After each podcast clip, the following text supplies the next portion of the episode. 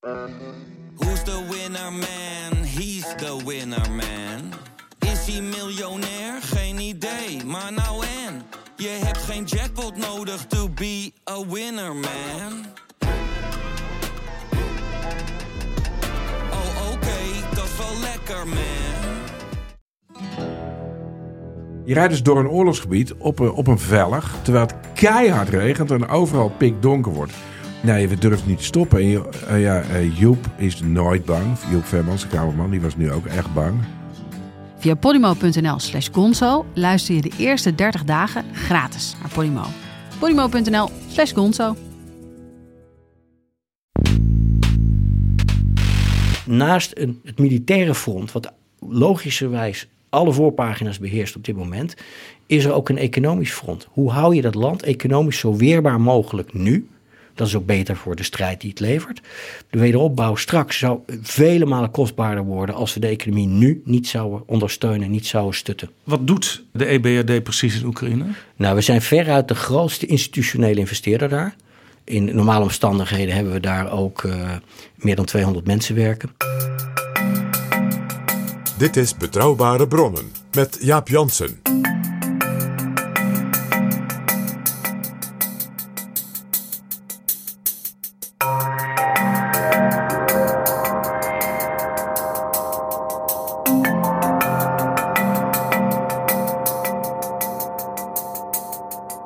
Hallo, welkom in Betrouwbare Bronnen, aflevering 267. De oorlog in Oekraïne is nu al tien weken gaande. De beelden van volledig vernietigde steden zijn vreselijk. Toch houdt de regering Zelensky stand. Mede dankzij steun uit de westerse wereld, waarvan landen inmiddels zware wapens leveren. Hoe is de situatie daar en in de omringende landen economisch? En hoe kan Oekraïne er als de oorlog voorbij is weer bovenop komen? De man bij uitstek die daar alles over kan vertellen is Caspar Veldkamp, lid van het dagelijks bestuur van de Europese Bank voor Wederopbouw en Ontwikkeling, vroeger ook wel de Oost-Europa Bank genoemd. En Caspar Veldkamp is onze gast. Welkom in Betrouwbare Bronnen. Goed je te zien, Jaap. Dit is Betrouwbare Bronnen. U zat al eens eerder in Betrouwbare Bronnen in aflevering 45. Toen was u de Nederlands ambassadeur in Athene. Precies in de periode dat Griekenland in een enorme crisis verkeerde. U heeft ook veel ervaring met Oost-Europa. U was eerder bijvoorbeeld regio-directeur op het ministerie van Buitenlandse Zaken. Sinds een kleine twee jaar bent u bestuurder, ook wel bewindvoerder genoemd, van de EBRD. De European Bank for Reconstruction and Development. We gaan zo praten over Oekraïne en de omringende landen. En misschien ook wel over eh, de gevolgen van deze oorlog voor de economieën in, in, in de rest van de wereld. Maar eerst eventjes, wat is de EBRD? Ja, de EBRD is een, is een organisatie, is een bank, die is opgericht na de val van de Berlijnse muur, zo'n 30 jaar geleden. Het was een idee van François Mitterrand. Ja, ja, precies. Het kwam uit de Franse koker. Maar niettemin is het in Londen gevestigd, in de city. En het is opgericht niet alleen door Europese landen, maar ook door de Amerikanen, de Canadezen, Zuid-Korea, et cetera. Landen die wilden bijdragen toen aan de transitie van de Oost-Europese landen vanuit de communistische periode naar een westerse stijl markteconomie. Dus de bank bestaat al een jaar of dertig. Ja. Kun je zeggen hoe succesvol de bank is? Ja, nou, succesvol zekere zin zeker, want het is opgericht met het idee dat het niet iedere paar jaar, zoals de Wereldbank, een soort middelenaanvulling nodig heeft. Een soort aanvulling van zijn leningenloketten door donoren. En eh, eh, ja, ondanks dat is die bank dus toch heel levensvatbaar gebleken. Die heeft ook veel winst gemaakt. Dat toont ook wel dat die economieën van Oost-Europa heel vaak succesvol zijn gebleken. Met name Midden-Europa, Baltische Staten, veel van onze investeringen die wij daar hebben gedaan, die hebben echt wel wat opgeleverd en geld terug in kas gebracht. Dus het is eigenlijk eh, vergelijkbaar met een gewone bank. Er wordt geld uitgeleend. En als het goed is, komt er geld terug, zelfs met winst. Er wordt geld uitgeleend, er wordt ook aan equity-investeringen gedaan. Er is ook echt geïnvesteerd in aandelen van bedrijven. Bijvoorbeeld in de high-tech sector, in, in eh, de Balkan of in Oost-Europa. En, eh, en dat levert vaak eh, toch echt wel, wel winst op. Nou heb je natuurlijk, u, u noemde het al, de Wereldbank. Je hebt ook het Internationaal Monetair Fonds. Waarom werd er destijds gedacht, er is nog een speciale bank voor Midden- en Oost-Europa nodig? Ja, als je kijkt, het Internationaal Monetair Fonds richt zich echt op de, de, de grote centrale overheidsbudgetten. En, en verhoudingen en monetaire verhoudingen. De Wereldbank richt zich op de armste landen in de wereld. Uh, de, deze bank, de, de EBRD als Oost-Europa-bank, wilde zich echt richten op de reële economie. Dus op de, op de ja, praktische economie van midden- en kleinbedrijf uh, en dergelijke. En, en, en dus veel meer bottom-up werk. Veel meer, met, uh, veel meer micro-economisch dan macro-economisch. Dat betekent dat u relatief weinig met centrale regeringen overlegt? Ja, het meeste, wij zijn echt gericht op private sectorontwikkeling. Dus echt gericht op uh, bedrijven, op, als we met overheden werken, vaak gemeenten. Gemeenten vergroenen en dergelijke. We hebben wel contact met de centrale overheden, maar dat betreft dan het soort discussie, het soort adviezen wat wij geven van hoe zorg je nou voor beleid waardoor kleine bedrijven kunnen groeien. Waardoor bijvoorbeeld de high-tech sector zich kan ontwikkelen in een land. Of uh, hoe zorg je voor beleid waardoor meer vrouwen in hogere posities aan de bak kunnen komen? Hoe zorg je voor dat soort dingen? Hoe zorg je voor uh, een goed, een solide klimaatbeleid dat ook economisch verantwoord is? Dus u heeft eigenlijk ook daardoor ook een heel scherp zicht over hoe uh, de economieën in hun kern functioneren. Ja, absoluut. Toen ik, toen ik regio-directeur was voor onder andere Oost-Europa, Zuidoost-Europa op het ministerie van Buitenlandse Zaken hier in Den Haag, ging ik, als ik naar een land, een land bezocht, ging ik vaak ook bij het lokale EBRD-kantoor langs. Omdat ik wist dat zij met de voet in de klei staan daar, daar lokaal projecten ontwikkelen en dus heel goed de weg weten. Wie is de foute oligarch, wie is de goede oligarch, hoe zitten de dingen in elkaar? Daar hebben ze vanuit eigen ervaring, uh, hebben, ze daar, hebben ze daar zicht op. En dat, dat kon echt wel nuttig zijn. In een, in een land als bijvoorbeeld Servië kon je dat echt een beeld hebben gegeven, geven van wat, wat zijn de structuren achter de, de, de, de macro-economische statistieken. Krijgen alle landen waar ooit de bank bijstand aan ging geven of leningen aan ging verstrekken, uh, krijgen die allemaal nog steeds steun? Dat is een goede vraag. Nee, niet allemaal. Op een gegeven moment is het gradueer je, zeg maar, zoals het heet in onze terminologie. Dan stijgt een land dan, er bovenuit. Dan stijg je er bovenuit. Ja. En dat is een discussie, want die landen willen natuurlijk die investeringen van ons blijven vasthouden. En uh, landen als de VS uh, zeggen: ja, maar wacht even, daar was die bank niet voor bedoeld. Deze bank moet nu uit bijvoorbeeld Polen en dergelijke vertrekken, verder naar het oosten, verder naar het zuidoosten, naar de meer armere landen toe. En dat is in wezen ook het Nederlands beleid. Ja, ik begreep dat Tsjechië de eerste was die er bovenuit steeg. Ja, en die zit er tijdelijk werd vanwege COVID weer in. Griekenland is ook tijdelijk ingekomen vanwege de crisis daar. Maar Cyprus is er bijvoorbeeld weer uit. En Griekenland stopt binnenkort. Ja, en, en, en Moldavië is denk ik het, het land uh, wat er nog het slechtst aan toe is van alle Europese economieën? Van die Europese landen, ja, het ligt eraan hoe je die regio definieert. Want je kunt ook kijken tot de hele voormalige Sovjet-Unie, kom je in Tajikistan en dergelijke. En dan kom je echt wel weer in hele schrale economieën terecht. Maar als ik kijk in Oost-Europa, ja, het armste land van Europa is, is Moldavië. Ja, ja. De, de bank werkt met aandeelhouders. Ben je eigenlijk als je leningen krijgt, ben je dan automatisch ook aandeelhouder? Ja, alle alle landen waar wij opereren zijn in principe aandeelhouders. Ook om ze allemaal mede-eigenaar te maken van de, van, van de bank en het beleid van de bank. Dus ze zijn allemaal mede-aandeelhouder. Alleen afgemeten naar de omvang van een economie waarmee de bank is opgericht. Dus dat is vaak heel beperkt. in de loop van de jaren bent u ook uitgebreid buiten Midden- en Oost-Europa? Ja, we zaten vroeger in de hele voormalige Sovjet-Unie de, en, de, en, en voormalige Oostblok en Balkanlanden. En daarna is erbij gekomen uh, Turkije en met de Arabische lentes ook Egypte, uh, Tunesië, Marokko. We zitten eigenlijk in de hele ring rond Europa. Wat is de reden daarvoor? Want je zou ook kunnen zeggen, het oorspronkelijke idee was uh, de nieuwe landen en misschien ook wel veel toekomstige EU-lidstaten helpen en uiteindelijk volledig laten aansluiten op de West-Europese economie. Uh, maar als je uitbreidt, verslapt misschien ook wel de aandacht. Ja, die discussie heb je ook voortdurend. Maar het idee daarachter, zeker met de Arabische lente, was van ja, we moeten nu iets doen in die landen. En dat moet niet alleen noodhulp in dergelijke zijn, maar het zal juist goed zijn om daar uh, de economische ontwikkeling te stimuleren, het perspectief voor mensen te stimuleren. Neem je ook wat grondoorzaken voor migratie, voor jihadisme en dergelijke weg, is het idee. En uh, daar is dus wel een push geweest destijds om te zeggen, nou, dan moet Egypte bij, dan moet Tunesië bij en dergelijke. Ja, het heeft dus ook, uh, laten we zeggen, politieke en economische redenen om het op die manier uit te breiden. Ja, dit is typisch een organisatie die zit op het snijvlak van, van haute finance, van diplomatie, van ontwikkelingssamenwerking. En die diplomatie vind je terug in waar opereren we en waarom opereren we daar. We zitten natuurlijk daar ook in de, in de ring rond Europa, omdat we daar als West-Europese landen ook wel belang bij hebben. Dat die regio zich goed ontwikkelt, beter beter ontwikkelt, stabiliseert. Het is niet de makkelijkste regio om te opereren. Nee.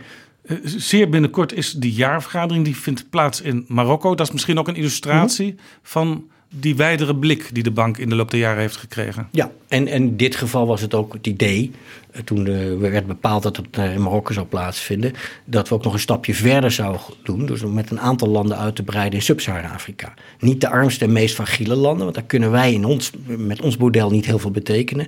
Maar denk aan landen als Ghana of Senegal. Daar is al enige private sector die je verder kunt helpen ontwikkelen. En daar zit ook wel, wel strategische impuls achter. Uh, aangezwengeld is deze discussie door de, de Franse president Macron, die zegt van ja, we moeten naast Chinese investeringen in Afrika, Sub-Sahara-Afrika, moeten we daar misschien ook Europese investeringsvehikels hebben die daar actief zijn. En je moet ook daar helpen aan het wegnemen van, van grondoorzaken van migratie en jihadisme. Dus dat soort redengeving zit er vaak achter. Daar zijn wij niet dagelijks mee bezig. Ik ben dagelijks met echt de private sectorontwikkeling bezig. En met wat is de toegevoegde waarde van zo'n bank eh, als instrument bezig. Maar dat zijn wel achterliggende redenen die strategisch een rol spelen. Ja, zo'n jaarvergadering wordt natuurlijk altijd uh, lang van tevoren voorbereid. En zeker ook de plaats waar die zich voltrekt. Maar heeft u ook nog overwogen om misschien toch in Oekraïne die jaarvergadering te gaan houden? Bijvoorbeeld in Lviv? Ja, in Oekraïne of in, of in Moldavië bijvoorbeeld. Maar de belasting op die regeringen daar is momenteel zo groot... Uh, dat, dat, dat, dat, dat loopt in de weg om daar dan een hele conferentie te gaan organiseren. We, hebben, we zorgen wel, de, de Oekraïnse minister van Financiën zal aanwezig zijn bijvoorbeeld. Even voordat we echt over Oekraïne gaan praten. U bent uh, bestuurslid mm-hmm. van die bank. Wat doet u de hele dag daar in uh, Londen? ja, het is, een, het is een dagelijks bestuur. Het is geen raad van commissarissen. Het is een dagelijks bestuur van de bank. En daar moet natuurlijk van alles worden bepaald. Kijk hoe we afgelopen jaar bezig zijn geweest met een thema als klimaat. In, in Oost-Europa heb je vaak nog heel vervuilende industrie. Neem, neem een land als Oekraïne. Uh, voor de oorlog. Uh, per zeg maar, eenheid geproduceerde economie. Uh, is dat land drie keer zo vervuilend in CO2-uitstoot als de economie van Duitsland of Frankrijk. Is drie keer zoveel energie-intensief als, als, als West-Europese landen. Ja, daar kun je dus wat met vergroening. Daar kun je wat met klimaat. Daar kun je grote klappers maken. Dus de investering en, in vergroening daar heeft meteen veel meer rendement dan bijvoorbeeld in Nederland? Ja, ja zeker. Met dat soort thematiek ben je bezig. Op weg naar een top als COP26, wat in november vorig jaar in Glasgow als, uh, als klimaattop plaatsvond, zijn wij bezig geweest met: oké, wat gaat de bank daar leveren, daar bijdragen? Waarbij het voor ons ook weer niet kan dat wij helemaal afkoppelen van investeringen die iets met fossiele brandstoffen te maken hebben. Want die landen zijn daar nog niet allemaal zozeer aan toe. En nog, die zijn ook mede-aandeelhouders. Ja. Dus je kunt kijken, wat kun je er wel doen? En bijvoorbeeld in een land als Oezbekistan met één project voor het moderniseren van een uh, gas-elektriciteitscentrale kun je al de CO2-uitstoot verminderen als ongeveer in Nederland een hele kolencentrale uit de running nemen. Nou, dat, dat levert dus relatief veel rendement op ja. in, in klimaatperspectief. Is dit klimaataspect, is dat al vanaf het begin bij de EBRD belangrijk geweest? Of werd er in het begin toch gezegd, nou ja, die landen lopen nog zo ver achter, laten we daar voorlopig maar niet op focussen, want uh, ze moeten eerst brood op de plank krijgen. Ja, toen de bank is opgericht ging het echt om concurrentiekracht en dergelijke. Er zijn later zijn er criteria bijgekomen als oké, vergroening, inclusiviteit, uh, hoe zorg je dat je geïntegreerd werkt, denk aan Balkanlanden samen met andere landen uit een regio, et cetera. Dus dan later zijn die criteria waar wij zeg maar, de transitie uh, transitiepotentieel afmeten op onze investeringsprojecten, die zijn er later bijgekomen. En daar is inderdaad klimaat natuurlijk een heel belangrijke van geworden de laatste jaren. Dus precies definiëren. Wat doen wij op het gebied van klimaat? Eind dit jaar zijn we 100% uh, in lijn opereren, investeren we met het Parijsakkoord. Vorig jaar hebben we al meer dan de helft van onze investeringen is groen. Oké, maar wat doen we dan? Wat betekent dat precies? Wanneer doen we nog wel een fossiel project? Ja, dat is alleen maar als het project essentieel is op een, een, een, een pad naar, naar CO2-neutraliteit in het midden van, de, de, van deze eeuw. Maar in, in welke mate is dat vastgelegd? Is daar al een plan voor in een land of een sector? Hoe zit dat in elkaar? Uh, dat soort discussies hebben wij dus echt wel in zo'n, in zo'n board, in zo'n bestuursraad, uh, per project en ook qua, qua beleidssetting. We hadden in Betrouwbare Bronnen niet zo lang geleden Frank Heemskerk te gast. Die heeft voor de Wereldbank gewerkt. Ja. En die uh, vertelde dat hij uh, als bestuurder voor meerdere landen eh, werkte. Hij had een groep van landen waar hij extra aandacht aan besteedde. Dat geldt voor de organisatie van uw bank ook, hè? Ja, precies zo. De, de, de, de opzet, die structuur, die governance zoals dat heet, is voor IMF, Wereldbank, EBRD eigenlijk exact hetzelfde. Er is een bestuursraad. In, uh, een, grote, een grote aandeelhouder kan in zo'n bestuursraad een zetel claimen. Want de Amerikanen zijn groot genoeg qua economie en een aandeelhouderschap om een zetel te claimen. Wat kleinere landen kunnen dat vaak niet. Wat die dan doen, is zoals Nederland in de IMF en Wereldbank heeft gedaan. Die verzamelen een groep landen achter zich. En de optelsom van dat aandeelhouderschap maakt dat je een zetel kunt claimen. Nou, in Wereldbank en IMF heb je een Nederlandse bewindvoerder. Maar die vertegenwoordigt een vijftiental landen. Het zijn overigens bijna allemaal landen van Midden-Oost-Europa, plus ja. Israël. En onder die landen bevindt zich dan ook in IMF en Wereldbank Oekraïne. En dat maakt het interessant. Dus de Nederlandse bewindvoerders, Nederlandse bestuursleden van IMF en Wereldbank vertegenwoordigen niet alleen Nederland, maar ook Oekraïne. Sterker nog, je zou kunnen zeggen dat uh, Nederland een zetel heeft in het bestuur van die belangrijke organisaties, mede dankzij Oekraïne. Ja, dus ook als Nederland wordt uitgenodigd voor de G20, wat af en toe gebeurt, mm -hmm. dan speelt zoiets mee. Nou, niet direct, maar ik denk wel dat het feit dat Nederland boven zijn gewicht bokst door dit soort kiesgroepen te hebben en dit soort functies te bekleden, dat dat internationaal voor het Nederlands aanzien en invloed zeker meetelt. Ja, en uh, uh, uw groep, uh, die bestaat ook uit meerdere landen? Ja, net iets andere groep. Daar zit China ook bij, zag ik. Ja, ja dat, is, dat, is, dat klinkt heel apart. En dat, is, dat komt eigenlijk voort uit zo'n uh, 15, 17 jaar geleden. Uh, je had uh, Bob Zoellick als Amerikaans onderminister van Buitenlandse Zaken, later president van de Wereldbank. En die heeft eigenlijk sterk gepromoot dat China met zijn opkomst, dat je die moest inkaderen in de gevestigde internationale structuren en afspraken omdat het anders zijn eigen structuren zou gaan oprichten. En die heeft echt bevorderd dat, ja, dat, dat, dat aandeelhouders binnen IMF en Wereldbank wat ze gingen inschikken en wat meer ruimte aan China gaven. En dat China ook in, in een organisatie als de EBRD aandelen kon kopen. En toen China daar aandelen heeft gekocht, ook in de EBRD, heeft het dat niet meteen met een groot pakket gedaan, maar een klein pakket. Dat was nog voor Xi Jinping, dat was nog een China wat nog niet te veel wilde opvallen. En heeft vervolgens gedacht, ja, bij wie wil ik me aansluiten? In welke kiesgroep? Ja, liever niet bij een land wat permanent lid is van de Veiligheidsraad van de VN of van de lid van de G7. Maar laten we dat doen bij een iets kleiner land, maar wat wel heel goed geoutilleerd is en een reputatie heeft op financieel-economisch gebied. En dat is Nederland geworden. Ja. Dus ik vertegenwoordig ook China. En in de groep zitten ook uh, Mongolië, Noord-Macedonië en Armenië. Ja, en Noord-Macedonië, Mongolië, Armenië zijn landen waar de bank ook investeert en opereert. China niet, is gewoon een aandeelhouder.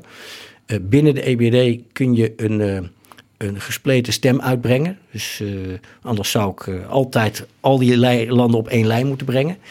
dat, dat zou moeilijk gaan. Dus ik, ik kan in theorie, het gebeurt ook wel eens, zeggen van nou namens Noord-Macedonië ben ik voor dit plan en namens China stem ik tegen. Ja. En dan telt dat in, ja. in het stemgewicht van die landen, telt dat uh, in En, en in bent u dus ook vertegenwoordiger van Nederland? Moet u ook met Den Haag overleggen als er belangrijke beslissingen worden genomen? Ja, ik, Nederland is een van mijn aandeelhouders, zeg maar, die ik vertegenwoordig. Dus daar heb ik contact mee. Ministerie van Financiën, ministerie van Buitenlandse Zaken, vooral het ontwikkelingssamenwerkingsdeel daarvan. Uh, Nederlandse bedrijven en organisaties heb ik ook, ook veel contact mee. Want ING, FMO, uh, et cetera. Uh, ook via de RVO, Rijksdienst voor Ondernemend Nederland. Maar uh, ik zit niet in de structuur van zo'n bank, ik zit niet achter een bordje waar Nederland op staat. Het is niet een gewone internationale organisatie. Ik zit een, achter een bordje waarop staat Caspar Veldkamp. En dan ja. word ik gewoon aangesproken als Caspar, wat vind jij? Ik ben primair ben ik bestuurder van de bank. Ik ben dus ook in dienst van de bank en word betaald door de bank. Ja, en, en uh, het is zo dat Nederland heeft u gekandideerd. Uh, heeft Nederland altijd recht op een plaats? Nederland heeft in de EBRD in praktijk recht op een plaats gezien de aandeelhoudersverhouding. En had deze keer de kandidering volledig opengesteld. Dus iedereen alles kon solliciteren. Uh, dus het heeft gewoon in, in, de krant gestaan, bij wijze van spreken. En uh, toen zag ik mijn kans schoon. En ik ben de eerste diplomaat die deze functie bekleedt. De ja. eerste ex-diplomaat. Ja, nou zit in, direct in uw groep zit Oekraïne niet. Maar u weet wel heel veel van Oekraïne af. U uh, bent ook in, in vorige functies daar vaak geweest. En geldt overigens ook voor Rusland en Belarus. Bent u ook vaak ja. geweest. En Oekraïne is natuurlijk wel, kan ik me voorstellen, op dit moment het land waar de meeste aandacht naar uitgaat binnen de bank. Ja, absoluut. Absoluut. Eigenlijk al sinds medio november. Maar uh, zeker nu. Zeker nu, ab absoluut de meeste. En omdat Nederland in de IMF en Wereldbank ook Oekraïne vertegenwoordigt, hebben we er altijd al een extra oogje voor gehad. In, vanuit mijn, mijn rol en functie. Ja. Wanneer bent u zelf voor het laatst in Oekraïne geweest? Dat is alweer een paar jaar geleden. Ja. Wat, wat, wat doet uh, de EBRD precies in Oekraïne? Nou, we zijn veruit de grootste institutionele investeerder daar. Uh, met zo'n projectenportefeuille van zo'n 4 miljard. We hadden vorig jaar 1 miljard aan nieuwe investeringen. In normale omstandigheden hebben we daar ook uh, meer dan 200 mensen werken. Ik begrijp ook dat u, u, u, werkt in projecten en dat er ruim 500 projecten uh, liepen toen de oorlog uitbrak. Ja, ja, dus er zijn projecten, er zijn concrete investeringen die we doen. We hebben zelfs op 23 februari, dus een dag voor de inval, bijna ook uit principe nog een project van 40 miljoen investeringen in een landbouwbedrijf in Oost-Oekraïne goedgekeurd. Uh, wat we op dit moment natuurlijk niet makkelijk kunnen uitvoeren. Maar we hebben het wel, wel goedgekeurd. Ja, want Oost-Oekraïne, is dat in de Donbass of bij de Donbass? Nee, dat is er tegenaan. Dat is er tegenaan. Maar uh, waar overal in, uh, in Oekraïne actief. En uh, ja, doen daar van alles. En hebben daar ook van alles gaan. Niet alleen aan investeringsprojecten, maar heel bewust ook allerlei flankerende discussie, dialoog, uh, advisering op het gebied van corruptiebestrijding, hervorming, hervorming van de bankensector. En ik merk nu dat dat soms wel zijn vrucht heeft afgeworpen. Ja, u noemt corruptiebestrijding. Uh, dat wordt altijd genoemd als een van de, de echt zwakke punten van Oekraïne. Dat was ook nog zo toen de oorlog uitbrak. Mm -hmm. uh, ondanks het feit dat alweer in 2004 de Oranje Revolutie was, 2014 de Maidan-revolutie. Ja. waar komt die corruptie vandaan en hoe kan het dat die zo hardnekkig is? Ja, ik denk dat die iets te maken heeft met. Ik ben geen expert op dat terrein, maar dat die wel iets te maken heeft met die structuren van, van het oud-Sovjet-systeem. En de, de razendsnelle privatisering die daarna heeft plaatsgevonden, die ook niet helemaal een echte privatisering was. De politieke economie van, van zo'n land is, is een hele scheve geweest. Mensen kregen bedrijven in handen. Beetje vergelijkbaar met Rusland in de Yeltsin-tijd. Ja, precies. En je hebt dus in Oekraïne gezien dat uh, ja, een, een, een, een, een honderdtal mensen uh, tegen de 50 miljard dollar van, van de economie beheerst. Uh, en, en dus oligarchen uh, waar je overigens op dit moment weinig van merkt en weinig van hoort. En dat, dat kan dus wel weer interessant zijn voor de economische toekomst van Oekraïne. Maar de, grote, grote bedrijven kunnen er in een land zijn. Maar de vraag is, hoe worden ze bestuurd? Uh, hoe solide worden ze bestuurd? Hoe eerlijk worden ze bestuurd? Maar ook bijvoorbeeld, hoe vindt uh, door de overheid, wat is het aankoopbeleid? En is dat transparant genoeg? Al die dingen waren niet altijd op orde in Oekraïne. Oekraïne heeft wel wat vooruitgang geboekt, stelde het IMF eind vorig jaar vast. En dat zijn vooruitgangen waar we vaak nu even van profiteren. Bijvoorbeeld de centrale bank is echt wel voor een deel hervormd. En heeft nu aan het begin van de oorlog ook gewoon wel goed gefunctioneerd. Uh, ze hebben zich voorbereid op die invasie. Ze hebben meteen een uh, beleid gevoerd van capital controls en vastzetten van de wisselkoers. Ze hebben hun IT en hun medewerkers naar veilige delen van Oekraïne overgebracht. Ja, de implosie van de munt is daardoor uitgebleven. Ja. Dat, dat is deels ook het gevolg van hervormingen die zijn toegepast. Dat is interessant dat men daar al zo mee bezig was. Want president Zelensky, voordat de Russen binnenvielen, uh, die zei steeds in het openbaar uh, dat hij geen inval verwachtte. Maar uh, achter de coulissen waren ze toch al bezig met voorbereiding. Ja. Ook in Oekraïne zelf, om het, het, land niet helemaal ten prooi te laten vallen. Ja, heel concreet. Ja, ik denk dat dat toch wel voor de bühne was. Men wilde natuurlijk ook niet uitstralen dat dat land, dat, dat die inval kon plaatsvinden. Maar was heel concreet bezig met de mogelijkheid van, van zo'n inval. En alles erop voor te bereiden dat het kon plaatsvinden. Ja. En je ziet ook hervormingen die er zijn geweest. Bankensysteem van Oekraïne. Dat is een van de pluspunten die dat er toch ook is gebleken nu in de oorlog. Uh, bankensysteem was wel op orde voordat de inval plaatsvond. Dat is ook een voorwaarde hè, voor ook bijvoorbeeld Nederlandse bedrijven om überhaupt daar te kunnen functioneren. Ja, en, en überhaupt om zoveel mogelijk van de economie nog te laten functioneren. De banken waren uh, qua kapitaal, qua geldinkas, qua winstgevendheid toch redelijk op orde. En daar blijken we nu van te profiteren, want je kunt nog gewoon geld pinnen. Je kunt ook nog gewoon inter internetbankieren in Oekraïne. Ja. Heel veel die dingen zijn blijven functioneren. En ik denk dat dat heel belangrijk is, want naast een, het militaire front, wat logischerwijs alle voorpagina's beheerst op dit moment, is er ook een economisch front. Hoe hou je dat land economisch zo weerbaar mogelijk nu? Dat is ook beter voor de strijd die het levert. Maar is ook beter voor de wederopbouw straks. De wederopbouw straks zou vele malen kostbaarder worden als we de economie nu niet zouden ondersteunen, niet zouden stutten. Ja, het interessante is dat de, de Oekraïnse regering, je, je zou denken die zijn volledig met die oorlog bezig. Eh, maar de ministeries in Oekraïne, eh, die helpen bijvoorbeeld ook bedrijven die eh, zich willen verplaatsen naar een veiliger deel van het land. Eh, ook met financiële en economische ondersteuning. Ja. Dus in zekere zin draait het land, hoe, hoe lastig dat ook is, door. Ja, zo, zoveel als mogelijk. En dit is ook een programma. Ja, eind maart hadden zich zo'n duizend bedrijven er al voor gemeld. Daar helpen wij ook bij mee. Ja, het is heel, heel dubbel. Want je ziet wel hele sombere cijfers. Onze laatste ramingen zeggen, nou, dit 30% eh, krimp dit jaar van de economie. Het IMF zegt 35. Nou, rond dat soort cijfers eh, en erger moet je denken. Ja, en de Eh, Wereldbank die, die heeft zelfs al gezegd dat het wel eens 45% Ja. krimp zou kunnen zijn. Ja, dat ligt er allemaal aan. Wat verwacht je, hoe lang die oorlog duurt en hoeveel schade die oplevert. Dat is heel moeilijk te meten. De schade tot nu toe. Eh, daar zijn ook verschillende ramingen van natuurlijk. Maar dat zal zeker op zijn minst 100, miljoen, 100 miljard dollar zijn. Eh, Zo'n twee derde van de totale economische omvang. Wat wij zien, gewoon van de koude grond, is 30 tot 50 procent van de, van de bedrijven functioneert.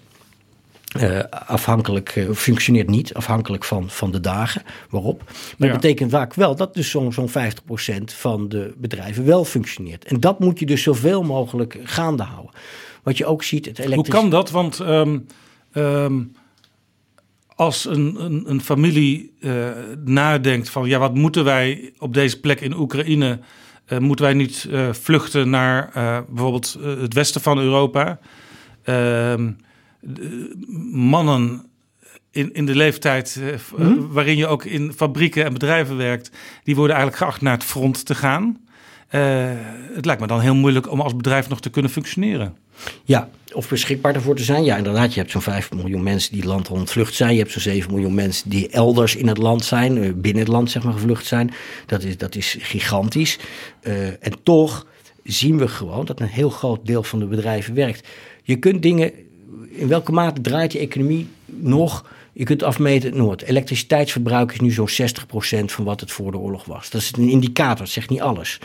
Ehm, Maar dan moeten we ook bij rekenen dat bijvoorbeeld een stad als Mariupol ja, vrijwel volledig is uitgeschakeld Ja. en in puin ligt en dus eigenlijk ge- vrijwel geen elektriciteit meer gebruikt. Nee, inderdaad. Eh, en de tragiek is ook nog de oorlog waar die plaats heeft gevonden tot nu toe.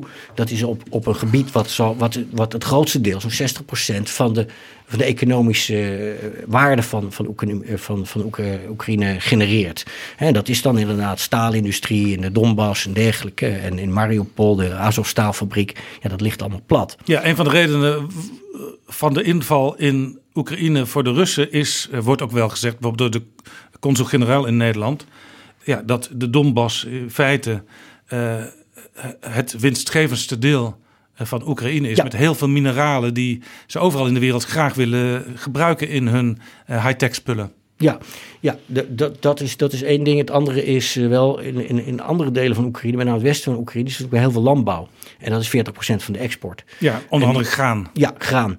En je ziet, ook daar is het weer van belangrijk, niet alleen voor Oekraïne, maar ook voor de rest van de wereld, dat die graanproductie zoveel mogelijk doorgaat.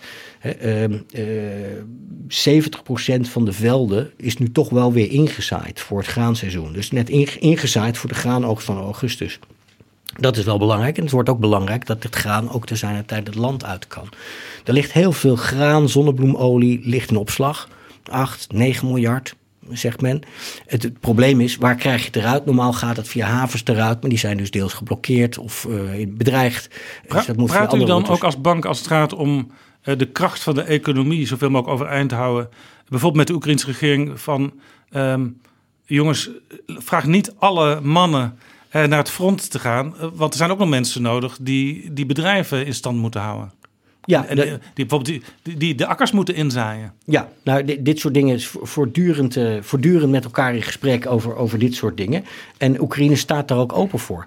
Eh, Kijk, je ziet het, de Oekraïense minister van Financiën bijvoorbeeld, met wie we het vaakst eh, in gesprek zijn. Ja, die heeft natuurlijk als eerste focus en wil zijn overheidsbegroting op orde brengen. En die giert nu uit, uit de hand. Hè, want de, de belastinginkomsten zijn minder en de uitgaven Ja. die gaan omhoog. Maar goed, in zekere zin zou je het kunnen vergelijken met de Europese Unie tijdens de coronacrisis. Ja, er moest ineens veel meer geld worden uitgegeven Mhm. eh, voor dingen waar normaal je geen geld voor uitgeeft als overheid. Ja, ja inderdaad. En eh, ja, je moet wat dit betreft, ja, je, moet Oekraïne nu ondersteunen. Eh, dat kan via de centrale budgetten. Dat doet bijvoorbeeld IMF, hè, 1,4 miljard dollar. eh, eh, dat de Wereldbank, die tijdelijk Oekraïne weer toegelaten tot dat zachte leningenloket. Vrij uitzonderlijke situatie, moet ook niet te lang duren, want anders gaat het de kost van de armste landen in de wereld die normaal van dat loket gebruik maken. Maar er is een economisch front wat je op andere manieren kunt versterken. En dat doen we vanuit de EBRD ook. Eh, we hebben een soort weerbaarheidspakket aangenomen voor Oekraïne en de meest geraakte landen van initieel 2 miljard euro. Ja, wat betekent dat? Wat doen we daarmee? Ja, dat betekent uitstel van betaling verlenen aan, aan midden- en kleinbedrijven en aan gemeenten. Eh, dat betekent eh, handelsfinanciering. Hè? Bijvoorbeeld de handel die het meest inzakt, is de handel waarbij mensen vooruit hebben betaald om iets te verkrijgen. De handel die het minst inzakt, is de handel die met kortlopende kredieten iets wordt aangekomen en dat wordt weer terugbetaald. Eh, nou, dat helpt dus dat wij met handels, dat wij die handels die financiering blijven doorzetten. We doen noodfinanciering voor banken, voor gemeenten die plots veel vluchtelingen moeten opvangen.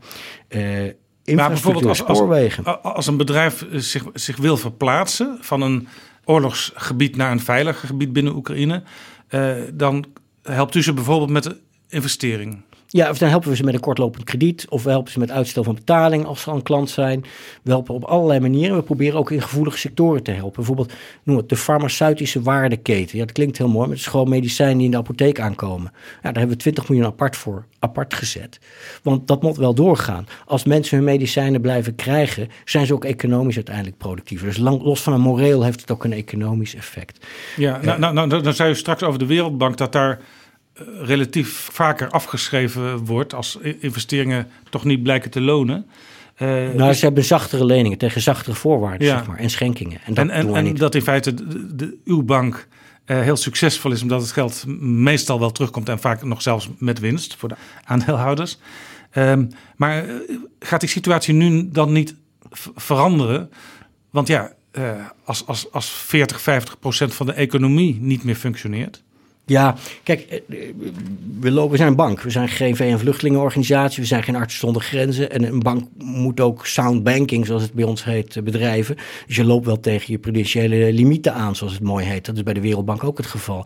Als je eh, uitstel van betaling voor je bestaande klanten verleent, zullen rating agencies dat allemaal nog prima vinden. Maar op het moment dat jij in een oorlogseconomie nieuwe, nieuwe risico's gaat nemen met nieuwe klanten, dan kijken ze daar door een strikt bankaire bril kijken ze daar anders naar. En dat is een reden waarom eh, organisaties als Wereldbank en EBRD nu ook kijken naar de aandeelhouders. Van, goh, kunnen jullie ons bijstaan, bijvoorbeeld in garantstellingen? Eh, Nederland heeft eh, voor een lening van de Wereldbank aan Oekraïne een 100 miljoen garantstelling verleend. Eh, eh, dat, op een, dat, dat helpt heel erg, zodat het niet allemaal op, alleen maar uit de, eigen, uit de eigen balans hoeft te komen. En dat, dat, dat geeft ook een belangrijk signaal als aandeelhouders richting rating agencies en dergelijke. En dan kun je dus ook iets meer doen. Je kunt dingen op je eigen balans nemen. Bijvoorbeeld wij doen energie aankopen uh, voor Oekraïne. Want dat heeft op een gegeven moment die voorraden weer aan worden gevuld voor de volgende winter. En dat is ongeveer nu dat dat moet gebeuren. Nou, dan nemen we 50 miljoen op de eigen balans. 50 miljoen plus de Duitsers bij. Dan wordt nog gezocht naar meer 50 miljoen van een ander land. En dan verder. En uh, maar sommige dingen doen we strikt zelf. Als ik kijk afgelopen weken, maanden, wat hebben wij goedgekeurd in onze bestuursraad? Uh, 50 miljoen voor het elektriciteitsdistributiebedrijf, 50 miljoen voor de spoorwegen, uh, 100 miljoen voor boeren aan zaaigoed en dergelijke. Uh, zodat ze zaaigoed kunnen inkopen met een kortlopend krediet voor de oogst straks. Ja. Uh, energie aankopen van, van alles op, op, op dergelijke gebieden. Waarmee je die economie dus zoveel mogelijk zoveel als mogelijk draai, draaiende houdt. Ja, ja, ja het is, ik, ik, ik, heb, ik heb wel eens staan fronsen van... Hey, Eh, de treinen rijden nog. Eh, de elektriciteit doet het meestal nog. Eh, maar dat is dus mede aan het werk van de EBRD te danken. Nou, dit, dit, er er is heel veel wat achter de schermen gebeurt. Een voorbeeld te geven. Op 16 maart is het elektriciteitsnetwerk van Oekraïne gekoppeld aan het West-Europese, het Westerse elektriciteitsnetwerk. Dat is een jaar eerder dan het oorspronkelijk de, de planning was. Ja, want het was al het idee dat dat zou gaan gebeuren. Ja, ja, maar dat is nu versneld. Dat is ook in de aanloop naar de oorlog en tijdens de oorlog versneld. Oké, dat is nu gebeurd. Dat betekent dat Oekraïne dus makkelijk toch elektriciteit extra kan krijgen als het dat nodig zou hebben uit West-Europa, West- en Midden-Europa. Het betekent ook, zie het feit dat ze nu maar 60% van wat ze pro- normaal produceren verbruiken, betekent ook dat wat ze zelf te veel produceren, dat ze dat nu kunnen exporteren richting Midden- en West-Europa. Daarvoor komt cash terug. Nou, dat is uiteindelijk is dat een, een nuttige manier en een heel eerlijke manier om te zorgen dat dat land toch overeind Ja, blijft. dus het gekke is dat bij wijze van spreken Polen op dit moment een deel van de energie uit Oekraïne krijgt. Bijvoorbeeld, ja. Ja, ja, ja, zeker.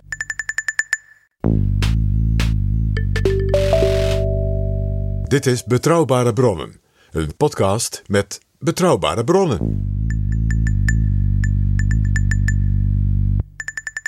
U zei dat een dag of wat voor de inval er nog een nieuw project is gestart. Eh, ja, goedgekeurd. Ja, U wist, of althans, eh, de, de internationale gemeenschap zag aankomen dat daar iets ging gebeuren. De Amerikanen waren daar ook heel stellig in. Eh, die hadden ook eh, intelligence. Waarschijnlijk heeft u in die tijd daar ook wel extra dingen over gehoord. Nog, nog misschien wel meer dan de gewone burger in de krant leest. Maar u realiseerde zich dus als bank eh, dat het van enorm belang is om die economie zoveel mogelijk overeind te houden, wat er ook gebeurt. ja, kijk, we zijn bank die wel internationaal goed is aangesloten en belangrijke aandeelhouders heeft. Eh, de president van de bank is een Franse mevrouw, de CEO zeg maar. eh, die, ja, die, ooit is voorgedragen door meneer, Macron. Dus die eh Franse president ook nog wel eens spreekt of zijn entourage als ze in Parijs is, Ja. et cetera.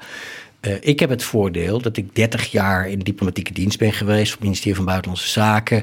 En van daaruit nog wel een netwerk heb op allerlei plaatsen. En dat is niet alleen op plaatsen waar ik zelf gewerkt heb, meermaals, zoals in Washington. Maar dat is bijvoorbeeld ook in, in Duitsland, waar, waar de huidige staatssecretaris van Buitenlandse Zaken is een voormalige collega van me. De huidige adviseur van de bondskanselier is een voormalige collega van me. Die ga ik niet zomaar iedere dag lastigvallen. Maar je hebt wel eens contact met die mensen.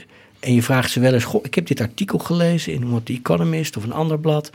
Wat vind je daarvan? En zeggen ze dan: Nou, dat niet. Ik vind, je moet eens dat, dat andere lezen. Nou, Ja. dat, soms krijg je op die manier toch signalen. En zo heb ik ook heel concreet signalen gekregen.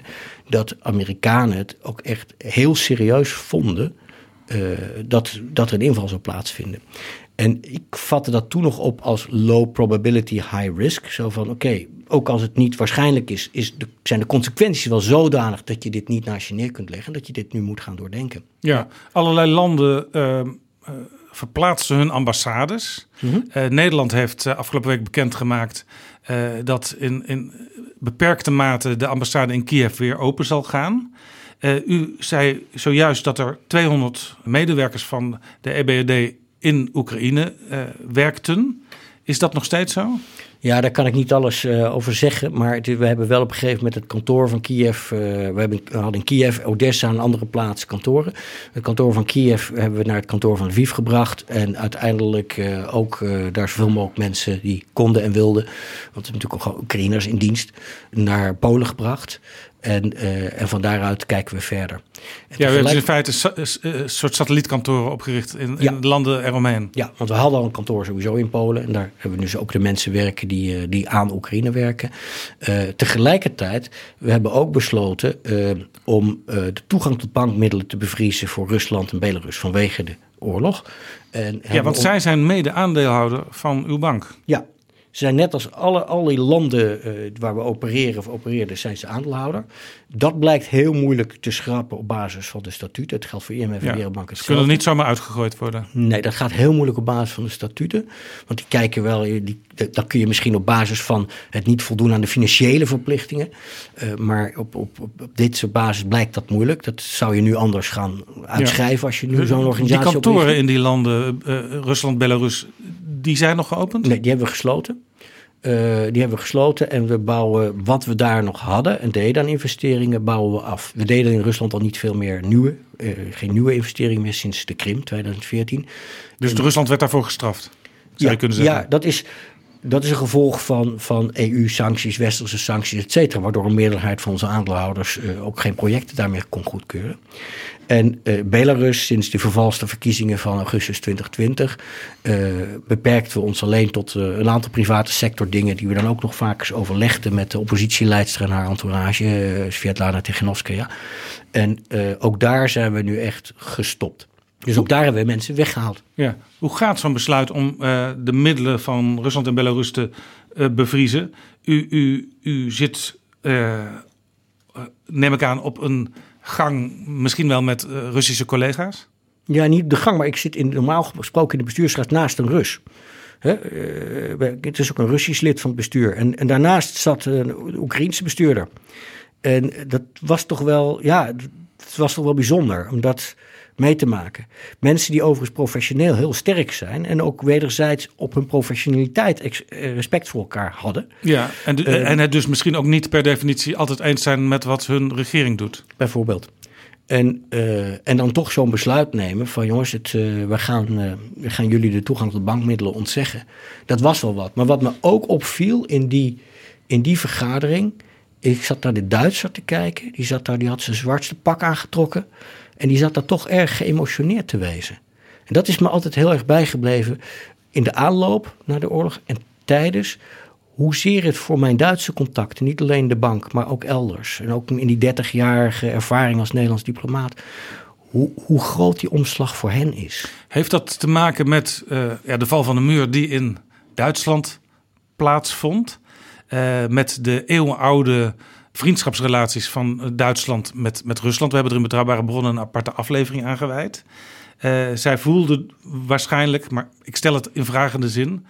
De, de val van de muur en alles wat daarop volgde... is een, een enorme historische gebeurtenis geweest. En nu lijkt dat misschien wel voor een deel teruggedraaid te worden. Ja, ik denk dat het verder terug gaat naar de val van de muur. We zeiden, we zeiden op buitenlandse zaken vroeger altijd uh, van ja, Midden-Europa begint voorbij Winterswijk. Kijk naar de ligging van Duitsland op de kaart en dat heeft een heel duidelijk ook Midden-Europese kant. Uh, en, en je kunt ook terug naar Willy Brandt en de Oostpolitiek uh, enzovoorts. er is wel decennia lang een idee geweest dat in Duitsland dat wandel door annäherung, wandel door handel, dat er verandering kon komen.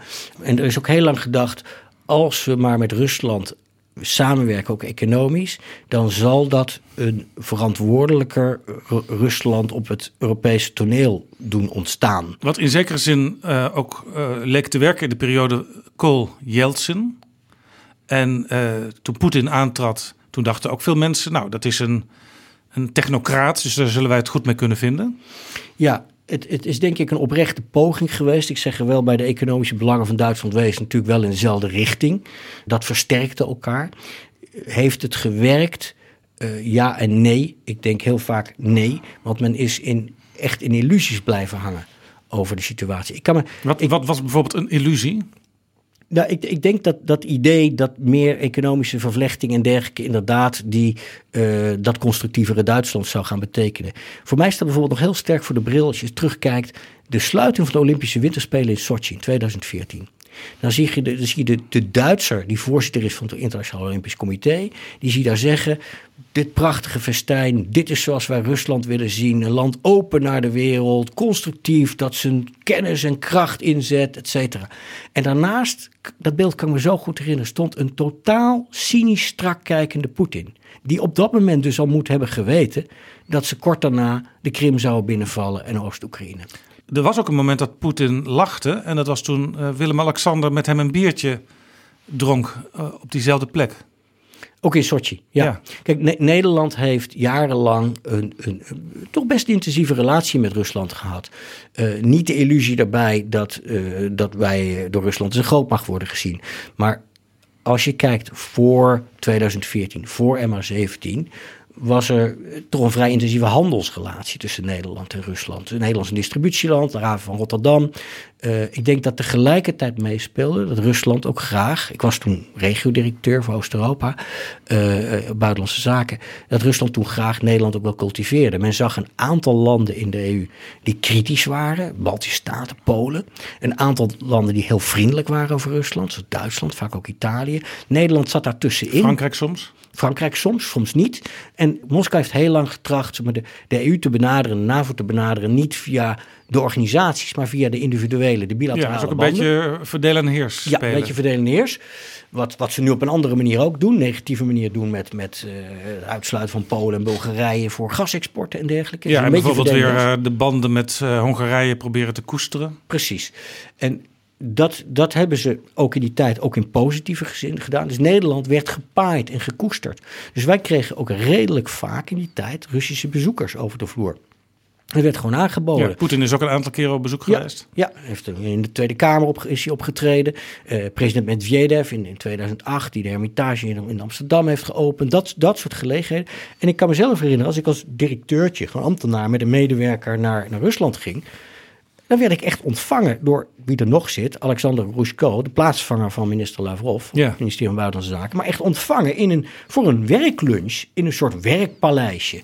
Ja, uh, dan moet je niet het idee hebben dat ze dat doen omdat je Caspar bent. Maar dat doen, dat doen ze omdat ze iets van Nederland ja, willen. Dat kleine Nederland dat dan toch een cruciale partner blijkt te kunnen zijn voor zo'n land wat in ieder geval geografisch heel groot is als, als, als Rusland. Overigens, economisch is Rusland natuurlijk nooit echt groot geweest hè, sinds de val van de muur.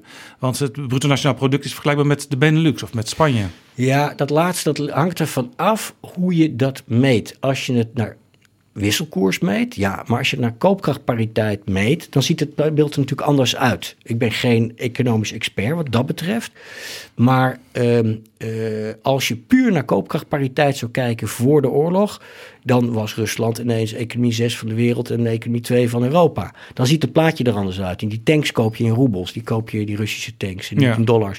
Dus uh, het, het, het, het plaatje moet is, is ook weer niet te, moet je ook niet te, te scherp vertekenen. Het is wel degelijk uh, een, een, een economie uh, uh, die een aantal hele serieuze kanten heeft, maar nu natuurlijk enorm onder druk staat. Ja. Zou je kunnen zeggen dat Nederland...